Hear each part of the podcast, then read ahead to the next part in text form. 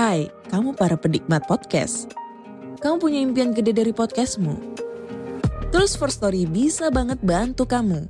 Mulai dari F-Link, Dynamic Audio Insertion, sampai statistik yang komprehensif.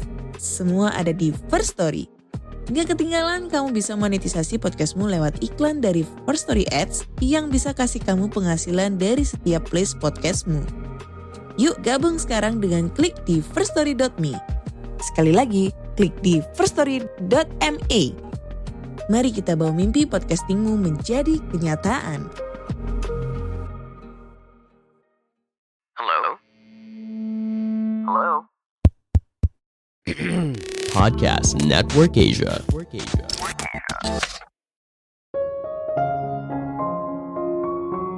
Hubungan kerja yang sehat seharusnya berjalan dua arah, memberi dan menerima.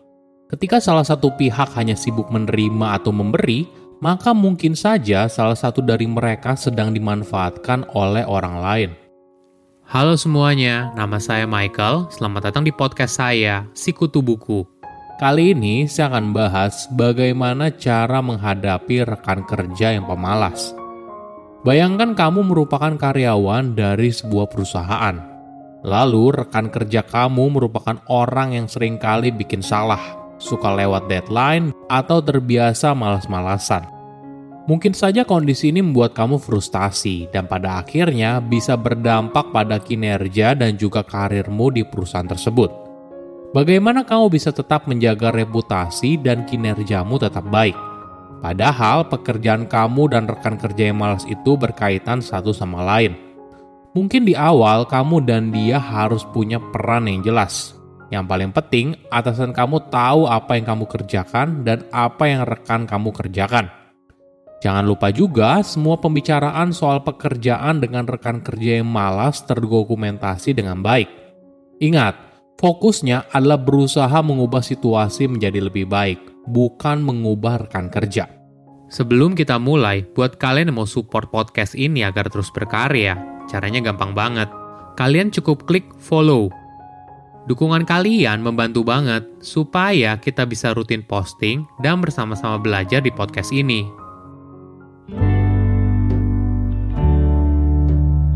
Hubungan sosial dibangun dengan asumsi kalau masing-masing pihak akan berkontribusi, saling memberi dan menerima. Jika kamu pada dasarnya orang yang suka menolong atau suka memberi, mungkin kamu sulit memahami kenapa ada orang di tempat kerja atau dalam hubungan pertemanan justru suka sekali memanfaatkan orang lain, mengakui sesuatu yang tidak mereka kerjakan, atau membuat hidup orang lain menjadi lebih sulit. Menariknya, ketika kita merasa seorang malas kerja bukan karena tidak mau, tapi karena tidak bisa, karena satu dan lain hal, maka kemungkinan besar kamu akan memakluminya. Tapi ketika kamu yakin kalau memang orang itu aja yang males, maka kemungkinan besar kamu akan kesal. Di sisi lain, kamu bisa saja terpengaruh oleh rekan kerja yang malas, apalagi jika kamu pernah komplain soal kinerja dia yang buruk ke atasan tapi tidak pernah digubris. Ini yang harus diperhatikan. Jangan sampai kau malah terpengaruh hal buruk. Kau merasa tidak perlu berusaha semaksimal mungkin, toh juga rekan kerja kamu malas-malasan. Alhasil, pengaruh ini bisa saja berdampak pada cara kerjamu di masa depan, bahkan juga bisa ke dalam hidupan pribadi. Apakah kamu pernah bertemu atau jangan-jangan sekarang kamu bekerja dengan rekan kerja yang malas? Namun ingat, tidak semua rekan kerja yang telat mengerjakan deadline atau suka bikin salah adalah karyawan yang malas. Mungkin saja orang itu justru sedang berada dalam kondisi yang buruk. Nah, apa ciri-ciri rekan kerja yang malas? Pertama, jadi orang paling sibuk. Ini adalah sebuah ironi. Karyawan yang malas sering kali pura-pura sibuk. Dia sering kali bilang kalau pekerjaannya banyak banget sehingga dia tidak bisa membantu kamu atau pekerjaannya sering kali lewat deadline. Ini adalah contoh klasik. Ya memang, mungkin saja beneran pekerjaan yang banyak atau ternyata mereka tidak bisa mengatur waktu dengan baik, sehingga banyak pekerjaan yang menumpuk. Dengan pura-pura sibuk, si karyawan malas justru jadi punya alasan untuk tidak mengerjakan tugas yang seharusnya jadi tanggung jawab dia. Kedua, sering tidak ada di tempat Mungkin kamu akan melihat rekan kerja kamu istirahat makan siang hingga jam 2. Atau sering kali ambil break di pagi hari jam 10 atau jam 3 sore. Tapi bisa sampai 30 menit. Perilaku ini semakin sulit diketahui apabila orang itu bekerja dari rumah.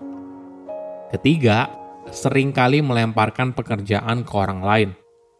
Nah, karena dia merasa kalau dirinya sibuk, maka orang ini merasa kalau dirinya perlu melemparkan beberapa pekerjaan ke orang lain. Seringkali, karyawan yang malas justru membungkusnya dengan kata delegasi. Ini bisa terjadi sesama rekan kerja atau dari atasan ke bawahan. Misalnya, seorang atasan yang sering kali mendelegasikan pekerjaan kepada anak buahnya.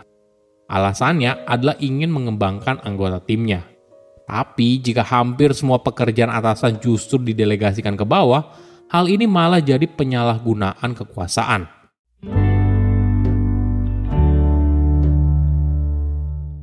Bekerja dengan seseorang yang malas bukan hanya bisa bikin kesal, tapi juga bisa merusak kinerja dan reputasi kamu di perusahaan tersebut. Jika kamu merupakan karyawan, mungkin saja kamu pernah berinteraksi dengan rekan kerja yang malas, dan akhirnya justru kamu yang harus mengerjakan bagian orang itu. Atau rekan kerja yang pintar sekali berpolitik hingga bisa melemparkan tanggung jawabnya kepada kamu. Situasi ini tentu saja tidak mudah, apalagi rekan kerja kamu yang melakukan itu bukanlah orang baru, tapi karyawan lama. Artinya, pola kerja karyawan itu sudah terbentuk dan pembiaran sudah terjadi dalam waktu lama. Mungkin satu hal penting yang harus kita ingat, kita tidak akan bisa mengubah rekan kerja kita. Yang bisa kita lakukan adalah berusaha memahami situasi tersebut dan bagaimana bisa melakukan yang terbaik. Di awal, kita harus melakukan refleksi diri dulu. Jangan sampai kita justru terjebak dalam fundamental attribution error – yang artinya ketika kita mendapatkan hasil baik, kita menyalahkan orang lain atau sesuatu yang berada di luar kontrol diri. Coba perhatikan juga interaksimu dengan rekan kerja yang kamu anggap malas. Apakah kamu justru mengirimkan sinyal yang bisa mengancam mereka? Mungkin saja kamu melakukannya tidak sengaja, tapi kamu menunjukkan kalau kamu lebih pintar, lebih baik, lebih ahli daripada rekan kerja itu. Nah, jika iya, maka kamu perlu perbaiki bagaimana kamu berinteraksi dengan dia. Kamu harus menekankan kalau kesuksesan itu bukan hanya milikmu seorang, tapi ketika kamu sukses, maka itu juga merupakan kesuksesan mereka juga. Perlu juga kamu bilang kalau ini bukan kerja satu orang, tapi kerja tim yang akhirnya bisa membuahkan hasil yang baik. Tips lain yang menarik, mungkin saja kamu perlu mengajak bicara rekan kerja kamu Mungkin saja orang tuanya sedang sakit, anaknya lagi ada masalah di sekolah, dan sebagainya. Jika ini alasan rekan kerjamu jadi tidak fokus kerja, ya mungkin saja bisa dimaklumi dan berharap kalau kinerja mereka di masa depan akan membaik. Terakhir, buat peran dan tanggung jawab yang jelas.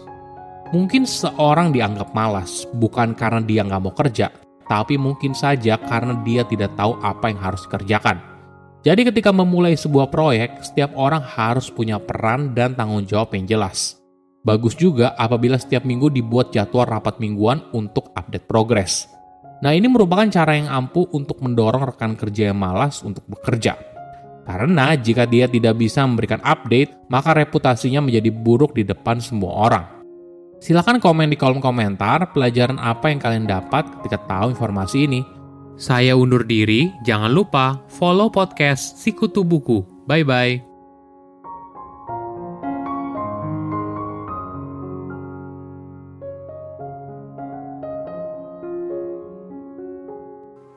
Pandangan dan opini yang disampaikan oleh kreator podcast, host, dan tamu tidak mencerminkan kebijakan resmi dan bagian dari podcast Network Asia. Setiap konten yang disampaikan mereka di dalam podcast adalah opini mereka sendiri dan tidak bermaksud untuk merugikan agama, grup etnik, perkumpulan, organisasi, perusahaan, perorangan, atau siapa pun dan apa pun.